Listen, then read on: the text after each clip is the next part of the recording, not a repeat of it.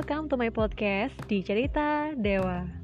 Oke teman-teman, sebelumnya kita kenalan dulu ya. Kan tak kenal maka tak sayang.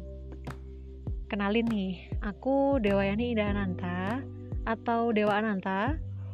Teman-temanku sih biasa manggilnya Dewa, biar keren kali ya.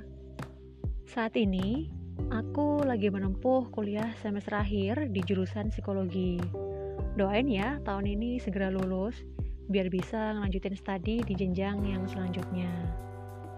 Jadi, berhubung lagi pandemi dan gak bisa ke mana-mana, jadilah podcast ini yang nantinya diharapkan bisa nemenin kalian gak gabut di rumah. Cielah, sobat gabuters banget sih.